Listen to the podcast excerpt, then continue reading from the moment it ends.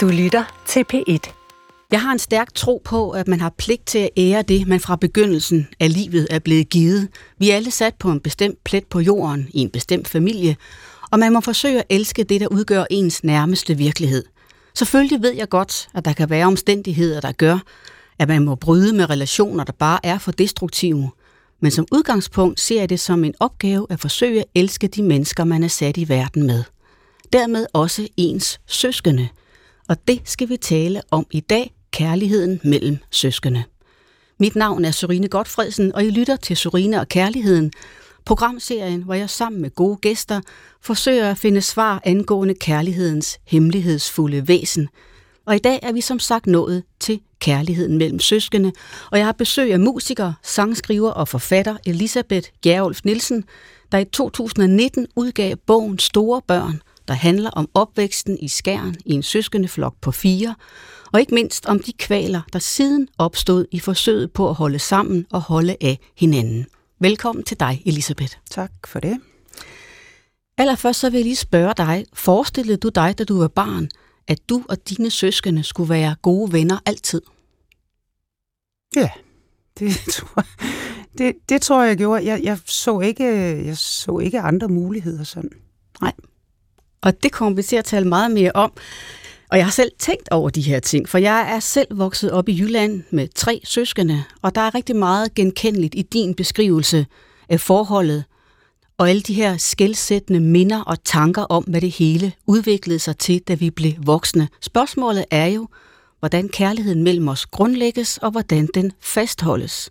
Og det er også nogle tanker, jeg i ekstra grad gør mig i den her tid, altså tanker om kærlighedens kraft – fordi jeg for første gang i mit liv i en alder af 54 år skal giftes om cirka 14 dage faktisk. Det nærmer sig, tiden er gået så hurtigt.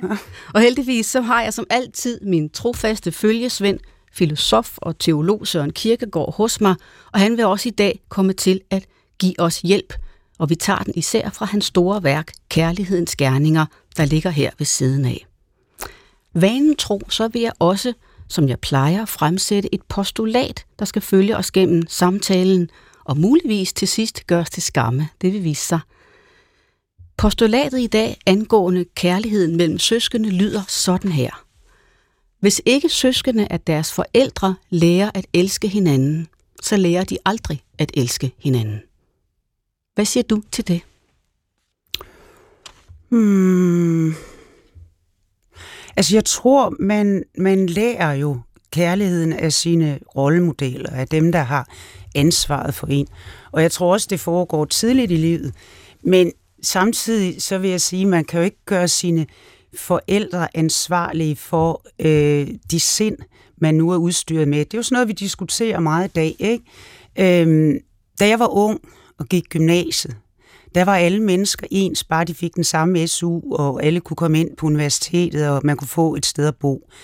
Sådan ser jeg ikke på det i dag, fordi jeg mener, at vi er udstyret med noget forskelligt med det, vi kommer med.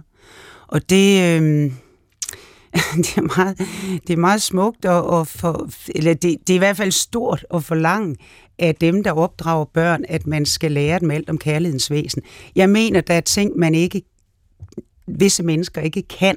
Der er nogle sind, som ikke kan lære, hvad uselvisk kærlighed er. Det vil jeg virkelig tænke nærmere over i den ja. kommende time, og vi vender tilbage til postulatet øh, til sidst. Mm. Nu skal vi først i gang med din historie. Du er født i Skjern i 1957 som den ja. yngste af fire søskende. Du har en store søster og to brødre, som er fem og seks år ældre. Men for både at give mig og lytterne et billede af, hvor du stammer fra, så vil jeg bede dig om at indlede med at beskrive det hjem, du voksede op i. Ja, jamen det var jo sådan et... Øh, det var jo sådan et, et frisk pust, tror jeg nok, i Skjern. Skjern var, var Korsbæk, ikke? Skjern var et overskueligt sted med, med en læge og en kirke og et sæt bedsteforældre der og en manufakturhandel der og sådan. Dejligt overskueligt sted med en danseskole også. Og øh, der var dog flere religioner. Altså mine bedste forældre til den ene side, min, øh, min mors forældre havde en boghandel og var, øh, var grundvigianer, og min fars øh, familie var intermissionsk og havde den der øh, Skærns magasiner-agtige store, store forretning. Og øh, der var det sådan lidt, lidt, det var lidt uden for nummer, at datteren over fra de grundvigianske skulle blive gift med den intermissionske øh, unge mand der. Men det valgte de, og, og det, det svarer jo sådan lidt til, at man i dag har nogle meget forskellige religioner, islam eller noget kristen eller noget. Sådan var det jo lidt i sådan en lille by, ikke? hvor man var vant til, at, at forholdene var, var til at forstå. Men det valgte de at gøre, og de valgte så at, at forsøgsvis at, at være rummelige, vil jeg tro, over for hinanden. Øhm, og det gav, et, det gav jo et meget åbent hjem, sådan. Fordi det var man jo nødt til. Man var nødt til at være åben for, for hinandens baggrunde, og de havde også sluppet meget begge to, kan man sige, i det, at de havde fundet hinanden og ville bygge noget nyt. Så de byggede noget nyt, de byggede forsøgsvis noget nyt, og øh, det var, det var Jamen altså, som lille barn husker jeg det kun som noget, der var øh, trygt og rart, og verden stod åben, fuldstændig pivåben. Var de, var de nærværende, dine forældre, i altså forhold de, til børnene? De var jo, det var jo det, der så kom, at øh, længe før der var noget, der hed, hed emanciperede kvinder på den måde, i hvert fald i 60'erne, så var min mor jo, min mor fik en uddannelse. Min mor havde, fik studentereksamen, og det var sådan, jeg har set det der studenterbillede, hvor der er fem mænd og en kvinde, ikke? Og så tog hun til London og studerede og blev fysioterapeut, hvad der var sådan et nyt, moderne fag der efter krigen. Og så kom hun hjem og ville jo gerne arbejde også, samtidig med, at hun fik de her fire børn rimelig hurtigt. Og hun startede så med at arbejde, da den mindste, det vil sige, da jeg var tre år. Øhm, det, var jo, det gjorde de andres møder ikke. Så hun var jo et meget sådan, øh, hvad skal man sige, hun var meget sådan et, et, et levende billede på, hvordan en kvinde også kan have et liv. Og det er da nok, det er da nok, tro, altså, det har, der har været meget sent til, vil jeg sige. Der har været, det er den generation af kvinder, som jeg faktisk øh, tænker har haft det meget hårdere end, end min egen, i hvert fald med børn. Og der var ikke noget, der hed engangsblære. Der var ikke noget som helst. Der var en forventning om, at man skulle være en god moder, samtidig med, at man så begyndte at arbejde fuldtid. Min mor arbejder om lørdagen. Hun kom hjem kl. 1. Og netop derfor, fordi din mor arbejdede meget, ja. var det så din far, der var der var jeres børns nærmeste omdrejning? Ja, men han arbejdede jo lige så meget, fordi han havde alle mulige projekter hele tiden, og fandt på nye ting, og brød med den der, han ville ikke overtage den der manufaktur. Han, han begyndte at opfinde noget med noget, noget papir, der kunne genbruges gamle aviser. Han, der, var, der var meget øh, ild i, i, i bagdelen på ham, så de var meget væk, begge to faktisk. Så jeg tror, det der jo også kan ske i, en, i sådan en, en, en børneflok der, i den tid i hvert fald, det er, at børnene er meget sammen og opdrager på hinanden. Det vil sige, de ældste forsøgsvis opdrager på de mindste. Ikke? Og så er der sådan en ung pige i huset, som er 17 år og venter på selv at blive gift, og hun, hun står og koger risengrød og, og brænder nogle skjorter af med at stryge imens. Lige, lige, ja. lige netop det her med, at børnene er meget sammen. Ja. Det kender jeg meget fra min egen barndom. Ja. Vi, vi regulerede også hinanden, ja. kan man sige. Ikke? Ja. Hvordan oplevede du det også med dine to øh, brødre, som også i bogen beskrives som nogen, der også har gang i? ja. hvordan, hvordan, hvordan var jeres relation, når I, når I var i den flok? Jamen, det, det er jo sådan en mærkelig blanding af, at man, man, øh, man, man, man kiggede jo på dem, ikke? Og, som nogen man så op til også, fordi de, de, de kørte jo med det, ikke? og de bestemte, og de var, de var meget, øh, de var meget aktivitetsorienterede, kan vi sige. Altså, de var meget aktive, de fandt på alt muligt. Og, og det, det betød så, at man, man kunne godt komme med ind i den verden, de lavede, men det krævede så, at man ville være, altså man skulle ikke optræde det cirkus der, man skulle være billetdame, ikke? Eller man skulle være, for eksempel spille matador, så skulle man være bankassistent, ikke? Og sidde og udlevere penge og læse spørgsmål op. Man fik ikke selv en bil at køre rundt med. Det var ikke en mulighed. Altså, jeg har også set, når de senere er blevet spurgt, mine brødre, så er det sådan noget med at svare om. Ja, så var vi to, store, to brødre og to søstre, men vores søstre, dem havde vi ikke så meget med at gøre. Altså, det var en lidt anden verden. Og den, der tror jeg, at jeg øh, heldigvis, jeg, jeg, jeg, det var ikke sådan, jeg tragtede efter deres verden. Jeg, øh, jeg ville godt være, være billetdame gang imellem, ikke? Fordi jo, jo. så var man der noget. noget. Ja. så var man der noget. Men, men jeg fik også, jeg, jeg udviklede sådan, fordi når det så når det så blev, blev øh, til den anden side med, at der skulle drilles og sådan noget, ikke? og når man skulle sættes på plads, så fik jeg jo den der med, øh, at alle de gode lignelser, vi var vokset op med fra især min fars side, og alle de gode historier fra, fra det gamle testament, og alt, altså det blev så brugt til at fortælle mig for eksempel, at jeg var jo blevet fundet i en sivkurve nede i Skjern Å, som løb lige nede for bunden, i bunden af vores have, ikke? Og øh, så derfor skulle jeg jo ikke regne med noget. Altså, jeg skulle jo ikke regne med at sådan høre til familien på den måde. Jeg boede der lidt på noget, ikke sandt? Jeg var et hitbarn. Ja, det er sådan nogle historier, man kan Det er sådan nogle historier. dyrke. Ja. Ja, og det, jeg, jeg tog den til mig. Sådan, jeg, amor fati, jeg, jeg, det, det kunne jeg godt lige elske lidt, den skæbne, fordi jeg tænkte, jamen Moses blev dog fundet af prinsesser, og jeg tegnede den der tegning 10.000 gange. Og, øhm, og så Ja. vendte jeg det lidt til også, at hvis jeg oplevede noget, som var besværligt i de der når, når mine brødre så måske forsøgte at, at, at afrette eller opdrage en for meget, så tænkte jeg, ej, hvor er det godt, at jeg er uden for dette Jeg i scenarie. virkeligheden har en anden historie. Ja, ja, fordi jeg har min egen historie, og den, den, øh, den holder jeg bare fast i. Kan du huske, at de var de også kærlige over for dig? Jamen, det tror jeg da bestemt. Men jeg, jeg kan ikke... Øh, øh, altså, jeg kan ikke huske sådan, sådan bestemte. Jeg kan huske, at man på et tidspunkt senere, især da de var flyttet hjemmefra, da man blev ældre, så var der nogle, nogle, nogle spændende, eller også nogle, nogle, øh, nogle gavmilde historier ude fra den store verden. De var blevet sådan nogle hippier, der var flyttet til, til Aarhus, den store by, og jeg gik stadigvæk i skole derhjemme og ventede på, at ting skulle begynde at ske sådan. Så kunne de sende korperbukser med svej hjem til en og sådan noget. Det var, det var jo en form for kærlighed, hvor man fik lov at deltage lidt i den der øh, selvstændige verden, de selv havde fået. Den husker jeg mest, øh, da de blev lidt ældre, eller da, da, ja, da de flyttede hjemmefra, og jeg var den eneste, der boede tilbage derhjemme. Ikke? Men det er sjovt nogle gange, når jeg husker tilbage og overvejer, om vi sådan fysisk var søde ved hinanden, mm. da vi var små, som man nogle gange ser søskende kan være, Ja. så har jeg svært ved at genkalde mig de der øjeblikke, hvor Ja. vi, vi har været sådan rigtig omsorgsfulde over for Ja. hinanden.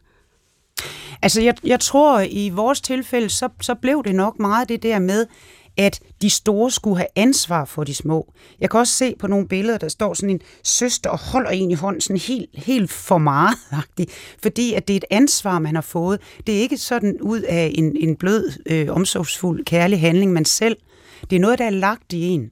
Og typisk, min, min far ville virkelig, virkelig gerne, at kærlighedens stærke arm, den skulle knuse alt forkert imellem øh, os mm. søskende. Vi skulle simpelthen støtte hinanden, til vi skulle herfra. Ja. Helt sikkert. Så det har også været hans drøm. 100 procent de sikkert. kunne det, ja. Min mor var noget mere realistisk med de her ting. Ja. Fordi hun er selv vokset op som den eneste pige i en søskendeflok, hvor hendes ældste brødre var meget ældre end hende, og de behandlede hende dårligt. De behandlede hende faktisk så dårligt, så hun ikke engang ville tale om det rigtigt. Det gjorde den generation, har jo meget sværere ved. Og øhm, ja. det, var, det var ekstra tabubelagt. Det er tabubelagt nok i min generation, synes jeg faktisk. Men det er endnu værre for dem, som var før, fordi der talte man slet ikke om noget, der kunne være svært i familien. Fordi der var familier noget, som var så vigtigt. Fordi hvis ikke man havde hinanden i familien, så havde man ikke noget. Man var afhængig. Ja. af hinanden økonomisk, socialt, på alle mulige måder. Ligesom der heller ikke var nogen skilsmisser, fordi en kvinde kunne ikke gå fra en mand. Elisabeth, vi vender tilbage Ja. til øh, din barndom og ungdom ja. øh, lidt senere, men jeg vil gerne springe frem ja. i tiden. Fordi din bog om store børn handler jo også rigtig meget om de tanker, du gør dig som voksen, efter I er blevet voksne, faktisk over 50, alle fire. Og, i, øhm, og der beskriver du i bogen, hvordan det virkelig konkret er svært at elske sine søskende. Og så vil jeg gerne bede dig nu læse et afsnit op fra bogen, hvor vi kommer ind i fortællingen i en periode, hvor du og din storebror arbejder på at skrive en bog sammen om jeres opvækst. Ja. Og øh, vær venlig at læse op. Ja, jeg skal lige fortælle, at ja, at der har jeg jo valgt på et tidspunkt i mit liv, fordi at jeg undrede mig sådan over, at vores forhold udviklede sig, som det gjorde, især efter vores forældres død. Det blev sværere og sværere at nå hinanden. Og det tænkte jeg, det, det vil jeg gerne undersøge på.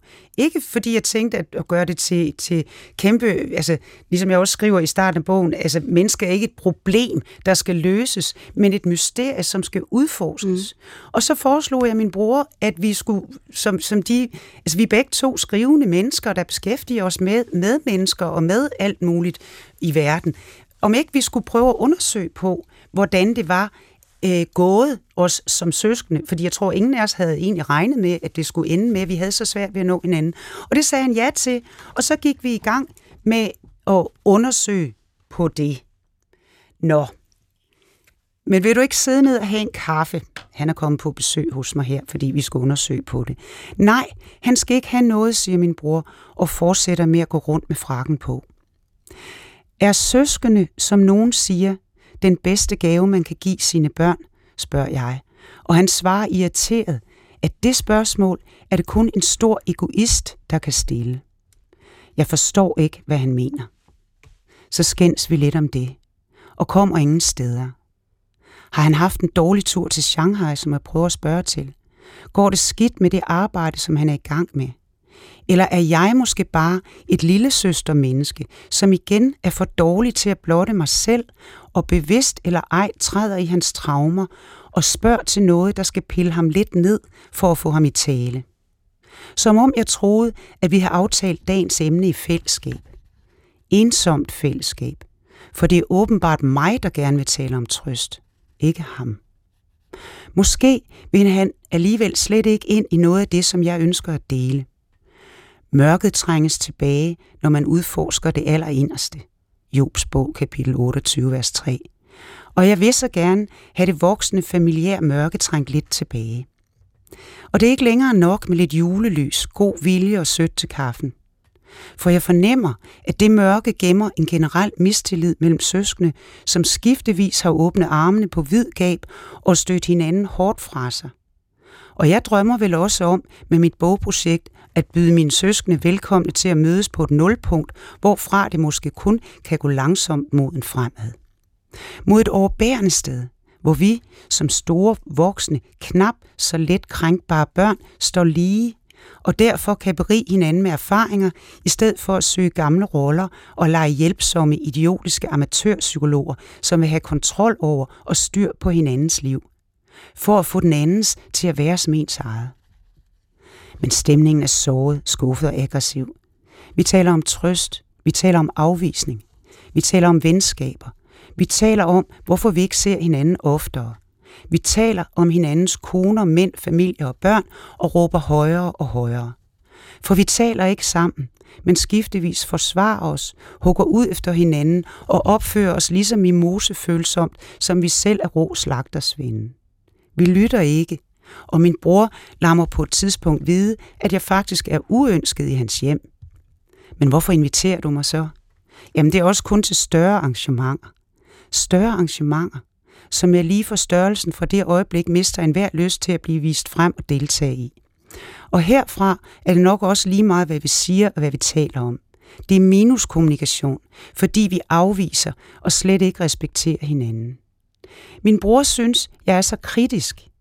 Du er ligesom din mor, siger han, og fortsætter med, at hun var en snop, der ringeagtede vores far. Jeg synes, vi begge er produkter af den begge to, men tænker, at min storebror lige nu mest ligner en bange tyran, som jeg dirrende kampberedt håber mine spørgsmål til vil anfægte, ryste, om ikke som Davids stenslynge vælte. Men han skynder sig at gå, før han vakler. Du er et røvhul, lyder hans farvelhilsen. Et røvhul af Guds nåde, råber han uddybende ned ad trappen i frakken, som han hele tiden har haft på med tasken over skulderen. Ja tak. Her kan vi godt høre, at det ikke går så nemt. Du refererer til Jobs bog, mm. og om mørket, der skal trænges tilbage. Ja. Og det tolker du som familiens mørke. Kan du sætte ord på, hvad det mørke er? Hvad består det af? Jamen, det er jo sådan set, øh, jeg, jeg tror, jeg hele mit liv har været meget påvirket af min mors oplevelse af sine egne søskende forhold, som er fortrængt. Hun vil ikke tale om det. Hun vil, hun vil ikke Altså, hun vil ikke rigtig nærme sig det, for det gjorde den generation ikke. Øh, jeg voksede op i en anden tid, hvor man øh, på godt og ondt havde meget af det der 70-80 og noget agtigt med, at man skulle have det frem i lyset, man skulle tale om det, man måtte forholde sig til det. Og det er jeg faktisk ret enig i, at man må. Så kan vi diskutere, hvordan man gør, og om alt skal diagnostiseres, om, om hvor problemerne ligger. Men der er jo noget, noget frygteligt i, at man går rundt med sit eget mørke, fordi at man bliver mere og mere et angst og bange menneske af det. Tror du, at du og din bror har samme idé om, hvad det mørke er? Det er absolut ikke sikkert, fordi at vi, det har jo også vist sig, det var også en af de ting, som jeg synes var spændende ved, at vi lavede en, en øh, bog sammen, fordi vi, vi skriver begge to sange, men vi gør det på meget forskellige måder. Altså, øh, jeg, jeg har fra min fra starten i min karriere, der var jeg sådan, ja, jeg var ung og øh, synes, at verden skulle se anderledes ud. og synes, det var meget vigtigt at synge om. Men jeg gik rimelig hurtigt over til at vende ind i, øh, hvad foregår der inde i mig selv? Hvordan er jeg selv menneske i den her verden? Jeg kan ikke kun beskrive verden, som den ser ud sort-hvid. Jeg må have mig selv med i, i ligningen. Ikke? Øhm, og det, det at få sig selv med i det, man udtrykker, det betyder jo også, at man er nødt til at nærme sig sit eget mørke. Men, men i Jobs bog, der er, er mørket selvfølgelig, tolker jeg det i hvert fald, et billede på, på hele, ja, på ondskaben, på det syndige i mennesket. Mm. Og når man vil ind, have mørket til at trænges, trænges tilbage, så er det jo der forstået som dette at søge visdom i stedet. Mm. Altså søge ind til kernen af, ja. hvad der er sandt. Ja. Og så... hvad, er, hvad er det for en visdom, du i relationen til din bror og dine søskende øh, kan komme ind til? Jamen, jeg, jeg tror, at jeg, jeg forsøger, og det, det gør jeg stadigvæk i hele mit liv, jeg forsøger at, at erkende, at der er ingen af os, som er løftet over det mørke, fordi det er i os alle sammen. Ondskaben er også i os alle sammen. Og, og alt det, det, det onde, som vi ikke vil at gøre alligevel, ikke? Mm. det findes i os, og hvis ikke vi vil erkende det, altså, og, og det, det, det, har været, det har været lidt svært med den baggrund, jeg har haft, også i form af den opdragelse, vi har fået i kristen sammenhæng. Fordi at alt kunne mages, alt kunne fikses, som vi vil sige i dag. Ikke? Alt kunne fikses med et godt skud gudstjeneste og, og en god... Og det er jo ikke rigtigt. Fordi at der er nogle mellemregninger, og det synes jeg faktisk har været det spændende ved at vokse op i min tid. Der er lige præcis nogle mellemregninger, som vi også talte om i starten, hvor mennesker er jo ikke bare et hylster for noget, der bliver pumpet ned i af, af god vilje og, og salmvers. Altså, mennesket er også det, vi kommer med selv. Og det er vi nødt til at forholde os til, hvis vi skal blive gode mennesker, til at være sammen, hvis vi skal være gode til at være sammen med andre mennesker. Har du tænkt på, for det har jeg tit spurgt mig selv om, hvorfor, eller er det sådan i din opfattelse, at det mørke, som vi bærer rundt på, er sværere at håndtere sammen med sine søskende, end sammen med andre mennesker? Det er fordi, det ligner hinanden. Det, det, der kan godt være, man har oplevet så mange af de, af de samme ting som børn. Ikke? Altså man har gået i den samme skole og haft den samme øh, sorte præst, og så var der en, en mere nuanceret præst også. Men man har oplevet de samme, øh, de samme, man har fået de samme påvirkninger. Hvorfor kan man så ikke sammen ja. forholde sig til det? spørger jeg også. Men har du, har du et svar på det? ja, det var det, var, jeg selv ville forsøge med bogen, jeg ville skrive sammen med min bror. Det var et forsøg på at nå ind til, hvorfor gør vi så forskelligt? Hvorfor har vi gjort så forskelligt i vores liv? Hvorfor siger du sådan, når jeg spørger om det? Hvorfor siger jeg sådan? Hvorfor bliver jeg ved med at pirke til noget, som jeg ved kan pille dig ned? Ikke? Hvorfor har vi de her tendenser, og kan, kan, vi, kan, vi, kan vi rumme dem? Men er, du, er, du, dem. er du kommet tættere på et svar på, hvorfor vi har de tendenser? Jeg er kommet måske tættere på, på et svar, der hedder, at vi har de tendenser. Ja, det vil jeg sige. Ja.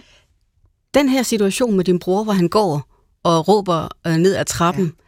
Hvis du skal sætte ganske få ord på det mørke, der hersker lige der, mm. hvad hedder det så? Jamen, det hedder sorg, ikke? Altså, det, det gør det for mit vedkommende. Jeg, jeg blev jeg blev virkelig, virkelig ked af, at hele det projekt her, altså udover det var et stykke arbejde, som jeg var i gang med, og der var skrevet aftaler, jeg ved ikke hvad, han har skrevet under på, at han ville deltage. Altså, så, så er det selvfølgelig, øh, så er det jo hele min, min barntro, der på en måde ryger, ikke? Fordi at jeg har da også bare, jeg har jo siddet og tænkt bag ved et eller andet sted, der har jeg haft håbet som strategi, ikke? Og har tænkt, vi mager det. Vi fikser det. I fars gode ånd. Se far deroppe i himlen. Vi er gode børn. Vi finder ud af det. Og Elisabeth, hun har lige fundet ud af, hvordan man kan skrive en bog om alle de problemer. Og så kan man sidde til sidst og holde juleaften og mødes omkring gåsen. Og det fedt glinsende, det damper på os alle sammen, og vi er glade for hinanden. Ikke? Det har da haft som et håb. Helt sikkert. Men det gik bare modsat. Tænkte du også i det øjeblik, at du er den eneste af jer, der har det håb? Nej, for det tror jeg egentlig ikke. Altså, jeg, jeg tror faktisk, vi er så, så præget af den der gode vilje, ikke? fra vores forældre, fra hele vores familie, i det der, vi voksede op i, som var trygt og rituelt og rart og, og øhm, håbefuldt. Så jeg tror, jeg tror, vi ligesom så mange andre søskende, det her, jeg har læst et sted, at altså, øhm, Selvom hver fjerde dansker har slået hånden af, som det hedder, så ubehageligt hedder, når man ikke vil se sin søsken. Sådan har jeg det jo ikke. Selvom hver fjerde dansker har det, så har man samtidig, hvis du spørger folk, så har de fleste et meget stort håb om, at hvis det virkelig går galt, så vil jeg da gå til min bror. Ikke? Altså, man, man, man, Man, man håber, ja. Ja, fordi det ligger så dybt i os, og det gør det jo også fra vores kultur, og det gør det også fra den kristne kultur. Altså, jeg har jo skrevet, øh, jeg har jo skrevet nogle, nogle genfortællinger sådan for, altså fra Gamle Testamente, min yndlingshistorie, ikke? og jeg kunne næsten ikke få mig selv til at, at tage den med, med, med Kain og, og Abel med, for jeg synes, det var så, så modbydeligt tæt på, på noget med broder- og søsterkærlighed, som jeg ikke selv magtede. Apropos søster, du har også en søster. Ja. Og øhm, en store søster, og hende skal vi lige tale lidt om. Og derfor så vil jeg bede dig at læse op fra et andet afsnit i din bog Store Børn. Ja. Det er, ja, det er sådan, øh, det er sådan et sted, hvor, hvor vi har været længe væk fra hinanden, og, og så øh, mødes igen. Forårsvind, som løfter både støv og papirsider med ord fra kasser med falmede postkort og guldnede konvolutter rundt i den indeklemte sommerhusluft. Hvor brevet, min store søster har skrevet, igen hænger i luften. Brevet om, at hun ikke vil være søster. Det lange brev i mørkegrå konvolut, frankeret med et frimærke med Olsenbanden, og fuld af erklæringer om både små og store uretfærdigheder, som har kostet søstertitlen. Et brev, som til daglig ligger og ulmer gemt i en skuffe, og som stadig aldrig er blevet seriøst nævnt, talt om eller diskuteret, og derfor skiftevis alting og ingenting betyder.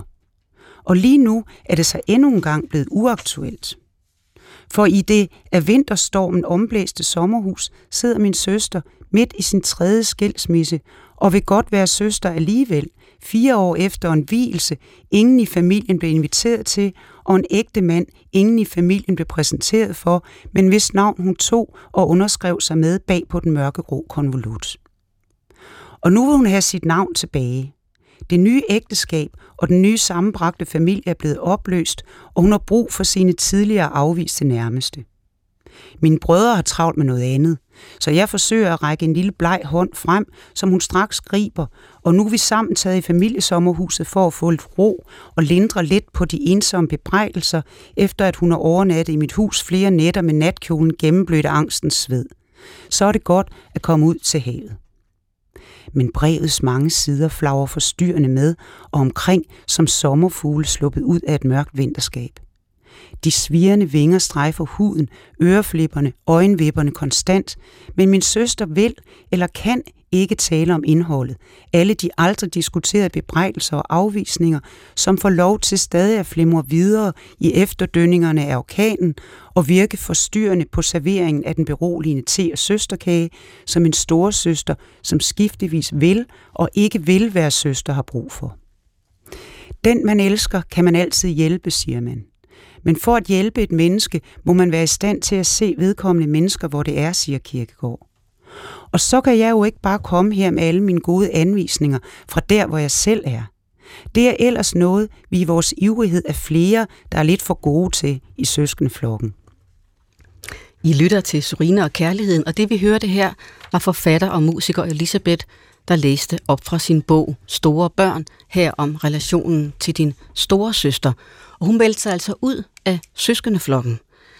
Øhm, hvad betød det for dig, at hun så kom tilbage, og havde du en følelse af, at nu skulle du fagne hende, eller kræve en forklaring, eller være lidt kostbar, eller hvad gik der gennem hovedet på dig? Jamen, det var da sikkert det hele. Jeg skal ikke gøre mig bedre, end jeg er. Men, men jeg havde også et, jeg havde et håb om at kunne gøre noget for hende. Det havde jeg, fordi jeg synes, det var et, et voldsomt sted at være. Og øhm, så derfor inviterede jeg hende med ud i et sommerhus, hvor jeg tænkte øh, lidt naivt, vi kan da tale om tingene. Det, det har jeg troet rigtig mange gange, at vi kunne. Fordi at når, når emnerne bliver så tunge, og det hele bliver så tungt, så jeg selv bliver øh, tynget voldsomt af det, så, til, så synes jeg jo, at den eneste redning er, at man går ind og, og gennemlyser det, og lukker posen op, og får det, får det ud, og får, får det luftet. Får ilt igennem simpelthen.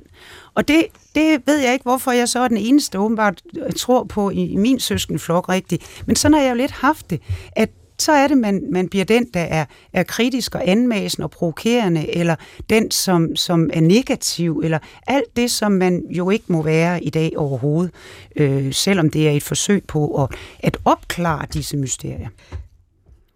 Når I sidder og taler sammen, og hun nu gerne vil være søster igen, mm. så kan jeg forestille mig, at der er en eller anden mur af mistillid mellem jer. Ja. Hvordan, hvordan beslutter du dig for at komme over den? For det er jo der, hvor man virkelig kan miste hinanden. Hun mm. har kommet med bebrejdelser, og hun har afvist dig. Mm. Jamen, jeg, jeg, ved du hvad, jeg, jeg tror aldrig, jeg er rigtig kommet mig over det. Så, så hårdt et menneske kan jeg jo også være, at jeg har simpelthen øh, den tillid, som man, man føler bliver brudt, ligesom man kan opleve med i, i kæresteforhold eller i, i gode venskaber også, så kan man nogle gange komme over det ved at få det, få det maget på en eller anden måde, som man måske ikke engang havde regnet med. Der kan, det kan være en, en det, det er ikke til at vide, hvad der skal til, men Måske kan man ikke snakke sig ud af det her i virkeligheden. Måske er det det, der er problemet. Så med al min gode vilje, så forsøger jeg måske, om nu må vi komme ned i det brev, du har skrevet engang. Fordi der er, aldrig, der er ingen, der har turet røre ved det. Hun vil ikke snakke om det. Og man må ikke nævne det. Og så bliver det jo lidt svært at komme videre derfra, fordi mistilliden sidder der stadigvæk. Ja, og ja. jeg er simpelthen nødt til lige at citere Kirkegaard for dig. Ja, her. Nu, var, du, nu, nu, du nævnte ham selv, mm, ja. øh, hans berømte ja. øh, overbevisning om, at ja. man skal møde den anden der, hvor han er, ja. han eller hun. Og i Kærlighedens Gerninger skriver han også om, om mistroen mm. i forhold til kærlighed, som han jo ikke overraskende opfatter som ødelæggende. Og han mm. skriver sådan her, mistroiskhed tager just grundvolden bort ved at forudsætte, at kærlighed ikke er til stede. Derfor kan mistroiskhed ikke opbygge. Nej. Og det er jo den der øh, kirkegårds grundtro på, at hvis ikke man forudsætter, at kærligheden er i den anden, mm. så er opbyggelse og rigtig samtale nærmest umulig. Ja. Og derfor så får jeg sådan lyst til at spørge dig, om du for du siger, at mistilliden er der i en eller anden mm. grad stadig, men du vil stadigvæk gerne hjælpe din søster. Kan du det? Nej, det tror jeg ikke, jeg kan. Når jeg ikke... Øh, altså, det er jo også det er, det er jo lidt for at gå tilbage til øh, det er de gode intentioner, ikke? Det er, det er tilliden og troen på og kærligheden, som den ser ud der. Men der er en hel masse i os mennesker, som arbejder imod, og som hele tiden stiller tvivl ved de her spørgsmål. Og det er det, der er så, så farligt mellem mennesker. Men det er også det, der på mange måder er så ulassergørligt. Bare at glatte ud på og, og slå folk oven i hovedet og sige, du skal være et godt menneske, du skal have tillid. Jeg tror, det er det, min far især har forsøgt med den form for kristendom, han praktiserede. Mm. For han var virkelig et, et rart og godt menneske, der hele tiden tog fat i en og siger, at ved du, hvor meget jeg elsker dig? Og, altså, der var ikke tvivl om hans store øh, kærlighed på den måde, og han viste det også i gerninger og i praksis, det var slet ikke det. Men han har måske også haft et lidt rigeligt stort håb om, at man kunne sådan skyde det ind i sine børn ved at lære dem øh, nogle sætninger eller nogle, nogle øh, salmevers eller noget, som var den gode intention. Altså, jeg har, jeg har oplevet det selv. Det findes jo i en anden form. Da mine børn var små og gik i institution, så skulle de, så, så i al den gode viljes navn, som ikke var specielt kristen, men som er pædagogisk ikke? og psykologisk, der hed det, at børn, du må ikke mobbe, du må ikke sige sådan. Og man, det lærte man sådan teoretisk, det må man ikke det er ikke nogen garanti for, at børn ikke står og råber din lede luder efter et andet barn, vel? Det er det desværre ikke. Nej. Fordi at vi er ikke bygget sådan. Heldigvis, vi er jo ikke legoklodser. Vi er, består af meget mere end det, og det skal med i alle disse her ligninger. Og det er jo det mørke, man så også kan nærme sig sammen og ikke mindst som øh, nærmeste pårørende, eller folk, som kender hinanden, som kender den baggrund, man har fælles. Ikke? Det er jo der, mm. er en fantastisk styrke i at kunne møde hinanden, hvis man kan. Ja, og jeg tror, ja. jeg vil, nu, nu sagde du selv ordet sorg før, ja. og det kender jeg også godt, fordi mm. jeg kan også, måske lidt ligesom dig nogle gange, tage den der rolle på mig med, at nu, nu, nu, nu, nu, nu er der nogle ting, der skal tales om mm, eller ja. øh, håndteres. Ja. Og når du siger ordet sorg, så kan jeg heller ikke lade være med at tænke, at eller overveje, hvad det egentlig er, man længes så meget efter med de der søskende. Mm. Hvad er det, man vil tilbage til? Mm. Hvorfor er det så vigtigt for dig at lappe på det? Ja. Det, det, det, det var det på det tidspunkt. Det tog mig meget lang tid at skrive den bog, fordi det var så skamfuldt for mig, at jeg overhovedet skulle, skulle øh, sige noget, noget dårligt om situationen. altså indtil jeg ligesom kom over det, jeg tænkte, det må folk jo selv vurdere, dem der læser det. Men jeg, jeg er kommet over det ved at forholde mig til de her ting. Om jeg så har skrevet en bog eller ej. Men betyder det, at du ikke længes mere? Ja, det, det, jeg, jeg, kan, jeg kan savne, at jeg har et, et, et forhold som det, øh, med, hvor man går med sin søster under armen og, og plukker blomster, og alt det, som jo tit bliver... Vi er jo også gode til at, at, at tale de der situationer op, ikke? Altså, hvor fantastisk det er. Min søster, min bedste veninde, og min bror og min Eva har vi, og vi, vores familie, ligesom skilsmisser. I, jeg har aldrig været lykkelig. Det er den lykkeligste skilsmisse i verden. Nej, det er det ikke, men vi tør ikke sige, hvor svært det er i virkeligheden. Men der har jeg måske kommet til et sted, hvor, hvor jeg ikke savner det, som ikke var der. Hvad var det, der ikke var der? Ja, der var jo ikke det, som jeg måske har, har længtet så meget efter. Det, at man kunne sidde og tale om mørket, eller om det, som var svært, eller hjælpe hinanden, trøste hinanden. Jeg har ikke oplevet at blive trøstet af mine søskende, og det synes jeg, der er noget af det smukkeste, man kan have mellem mennesker, som er, er, er nært Men stående. Alligevel, ja. alligevel siger du, at du stadig har et håb. Hvad er det håb om? Nej, jeg har, jo, jeg har et håb om at kunne leve med en rummelighed overfor. Jeg har ikke slået hånden af nogen. Jeg kan godt se mine søskende. Og der er også forskel i relationer. Det er jo ikke bare sådan en, en grå masse af tre mennesker, vel? Der er stor forskel i, hvad for et forhold jeg har. Der er nogen, der er nemmere at, at tale om det svære med end andre. Ikke? Og, og det, det kan man bare ikke, der, der må man jo erkende sin egen psykologi også. Man må erkende sin egen personlighed. Sådan har jeg det også med, med andre mennesker, at jeg, jeg, jeg kan, jeg kan ikke sidde alt for længe og tale om, øh, hvor godt øh, rundstykkerne smagte i gamle dage, eller hvordan vejret. Det kan jeg gøre til en indledende ting. Men så vil jeg også i gang med noget andet substans i. Fordi jeg synes, livet kan være lidt for kort til nogle gange, at man skal sidde og være kajtet og passe på, hvad man siger. Ja, det forstår jeg fuldstændig. Ja. Og jeg kender ja, det må det du gøre, det, Sorine. Det gør jeg også. Og noget af det, jeg også har tænkt over i relation til mine søskende, og det hele bliver ældre, det er, om man netop med den der iver efter at få mørket trængt tilbage ja. og komme ind til noget visdom, ja. om den måske er for anmasende Jamen, og for det usympatisk. Er, prøv at, det er den garanteret for en hel masse mennesker, som har en anden tilgang til livet.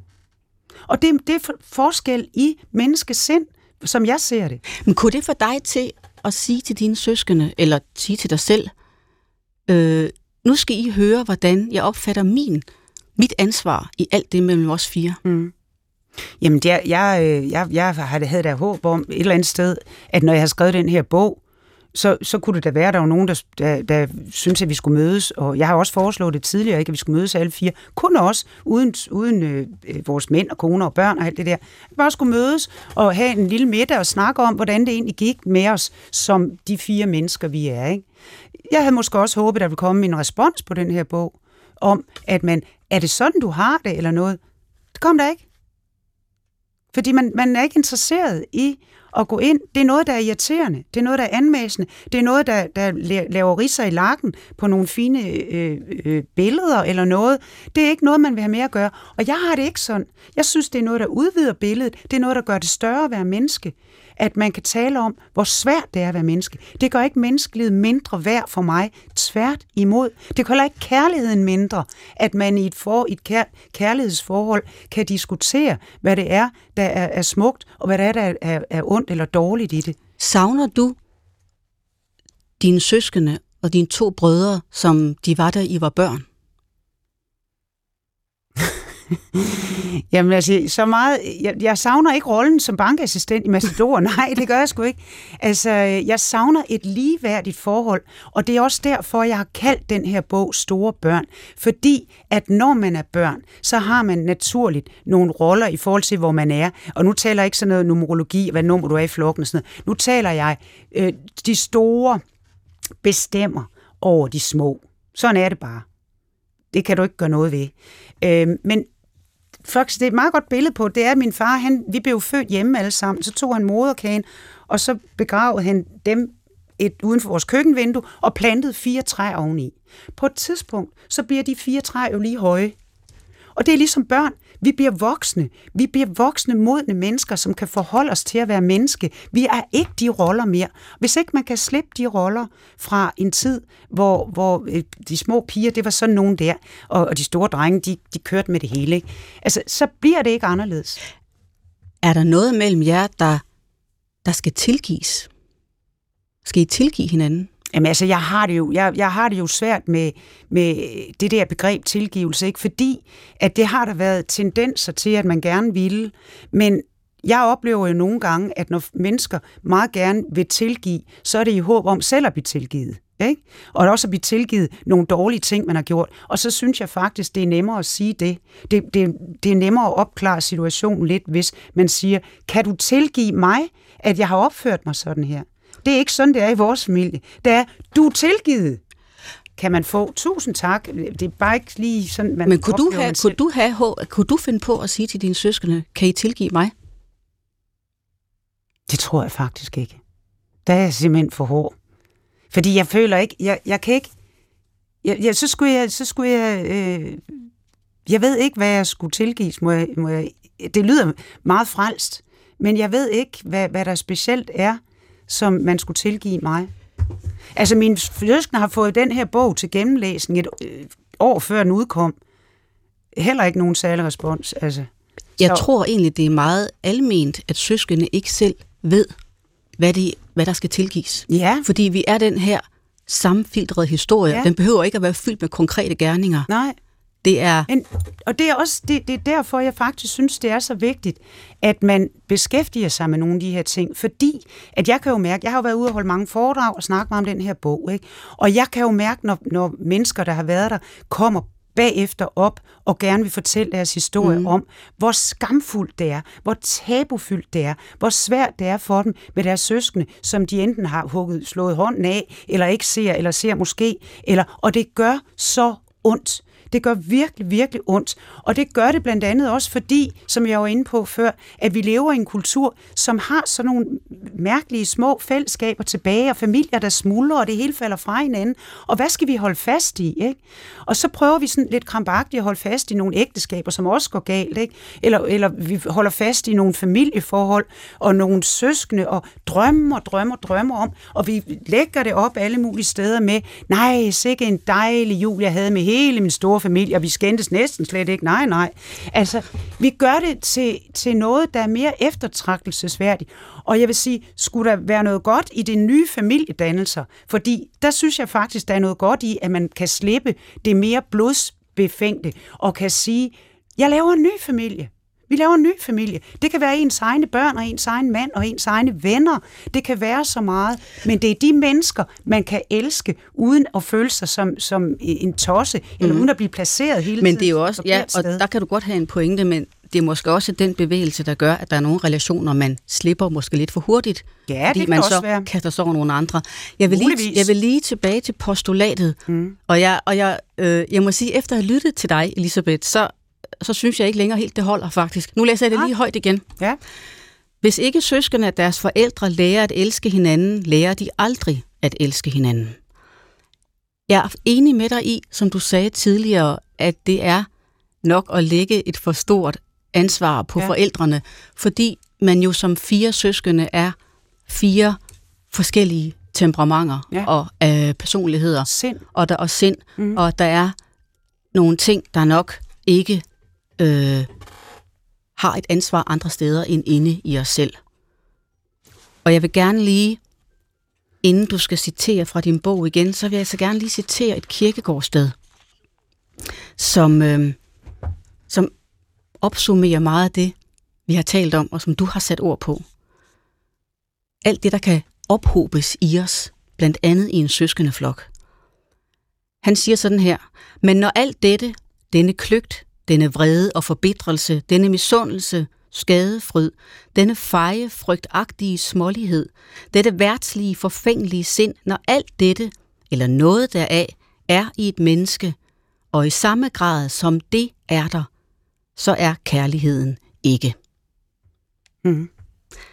Bare for at understrege det her med, at jeg er meget enig med dig i, at det mørke, vi bærer på, er vi nødt til at forholde os til, mm. for ellers så hober det sig op. Mm. Og jo mere det hober sig op, jo mere skubber det muligheden for at elske mm. væk. Ja. Og det er derfor, det er så det er derfor, jeg er meget glad for din bog om din søskende. Mm. Jeg er også glad for din nye bog om salmen i blodet, mm. hvor du også kredser noget om de her ting. Altså en, en, en insisteren på, at vi er nødt til at finde ud af, hvad det er, vi bærer på. Ja. fra vores opvækst, og alle ja. de drømme, man kunne have, Ja. da man var en søskende flok, der i høj grad regulerede sig selv. Ikke? Ja. Men, men også vil jeg sige, i forhold til postulatet, også hvad vi kommer med, fordi det, vi kan ikke springe over, at, at det kun er nogen andres ansvar at få lagt det rigtige også. Det synes jeg ikke, vi kan. Og øh, moderne forskning viser jo mere og mere, at der er mange, der strider imod, ikke? men det, jeg, jeg, der vil sige, der, det tror jeg på. Jeg tror på, at vi kommer med noget, som ikke er det samme. Og det var lige præcis det, som min undersøgelse af mine søskende forhold også gik ud på. For jeg tænkte, vi har fået det samme. Vi har fået den samme kærlighed på den måde. Vi har fået de samme julesalmer der. Vi har fået det samme ritual og nytårsaften. Vi gjorde sådan og sådan og påske og pinse op til bedstemor. Vi kom rigtig meget hos vores bedsteforældre, som gav det endnu mere videre og sang morgensalmer hver dag og gjorde de der ting. Vi har fået rigtig meget det samme, men vi har udviklet os forskelligt. Ja, I har fået Ja. det samme. Har du overvejet, om, om I fire personligheder simpelthen er forskelligt disponeret for at være i stand til at udvise kærlighed? Ja, det, det, det tror det er en sjov måde at sige det på, men, men det, det, det, tror jeg, det tror jeg, alle mennesker er. Fordi ellers så ville der være meget mere kærlighed i verden mm. mellem os. Vi er forskelligt disponeret for. Det, og det er jo lidt igen det, som Kirkegaard så siger ikke med. Det er jo fordi, at vi tror vores måde. Jamen, øh, jeg kan godt lide vaniljeis. Du skal få en ordentlig vaniljeis. Men det er ikke lige det, du kan lide måske. Altså, vi har et billede af, at det, som er godt for os selv, det er også godt for den anden. Det er ikke nødvendigvis sådan, det er. Vi er nødt til at se, hvor det andet menneske befinder sig. Og det er lige meget, om vi er søskende eller ej. Så er det der, hvor kærligheden kan udvikles. Det mener jeg. Elsker du dine søskende i dag? Ja, det tænker jeg nok, du vil spørge om. Og det, det kan jeg slet ikke svare på. Fordi at det, jeg, jeg, jeg har dem som mine søskende. De er et sted i mit liv, men det er ikke nogen, som jeg har en, en aktiv kærlighedsgerning med. Nej. I forhold til postulatet også med forældrenes rolle, og du er faktisk også lidt inde på det i din nye bog. Mm. Hvad gør du der af tanker om, hvordan du lærer dine børn at elske hinanden og holde sammen? Altså, jeg ser jo også på, hvor forskellige de er. Og så ser jeg på, hvad de gør. Og jeg, nu er de jo så store, ikke, så jeg ikke skal sidde og opdrage dem på den måde. Men jeg glæder mig derover, når de finder hinanden. Og det kan, man kan jo finde hinanden, i, selvom man kan være forskellig, så kan man finde hinanden, for eksempel i humor. Jeg har også haft meget humor med min søsken på et tidspunkt. Den er så, så blegnet noget efter alt det her. Men, men, øh, men jeg vil sige, du kan jo godt gå efter nogle områder, hvor man netop har det fælles, og den, fælles, øh, den samme skole, man gik på, og de samme referencer. Og det kan man more sig over, og det kan man glæde sig over, og man kan hjælpe hinanden, når der er brug for det. Og det, det kan jeg glæde mig over med mine egne børn, når jeg oplever det. Kan du se nogle træk i deres fællesskab, der minder om det, I havde, da I var små? Nej, det kan jeg faktisk ikke. Nu er der også to, to piger, ikke? og der er fem, fem års øh, mellemrum. Ja, det er selvfølgelig, men det, det, jeg tror, vi skal heller ikke være blege for, altså, at meget skete der i 60'erne, da jeg voksede op. Der skete også noget mellem kønnene, ikke? Og som jeg var inde på i starten, min mor var jo allerede der sådan en, en, øh, en udarbejdende og selvstændig kvinde, ikke?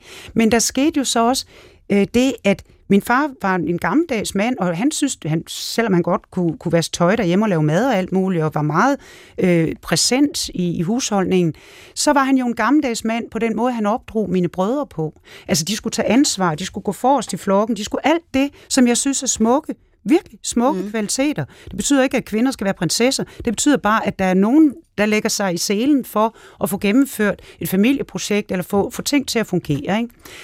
Det blev der jo opløst på, da jeg gik i gymnasiet, ikke? hvor lige pludselig så gik vi jo rundt i det der Kansas-tøj og, og, øh, og ville noget andet, og der var nogle få piger tilbage, som, som gik og ventede på en forlovelsesring og sådan noget. Men vi andre, vi ville jo noget andet, ikke? Og vi ville have en uddannelse, og vi, ville, vi, vi fik en, en stor bog lukket op, og, og fik alle mulige Karen Bliksen båltaler, vi skulle læse i dansk af en ny, moderne dansklærer, der kom og sådan noget. Fik øjnene op for vores egne muligheder som piger, som kvinder. Og det sad der jo nogle store brødre og rundt omkring, og nogle kærester sidenhen, som var lidt ældre end en selv. Det var de jo måbne over for, fordi de var opdraget til at være dem, der ligesom tog førerpositionen. Ikke? Og det mm. har også betydet noget i min søskenflok. Det kan jeg se i dag, uden at være, være Altså er den rollefordeling forandret ja, sig? fordi der skete, det gik meget hurtigt. Ja. Der skete så meget, meget hurtigt. Og det var sådan lidt, altså hvor naturligt var det egentlig også lige at gå rundt i, i træskostøvler og, og Kansas øh, overalls som, som en ung pige, ikke? Jo. Altså vi, vi tog jo nogle tegn til os, fordi vi troede, det var nødvendigt for at være selvstændige mennesker. Ikke?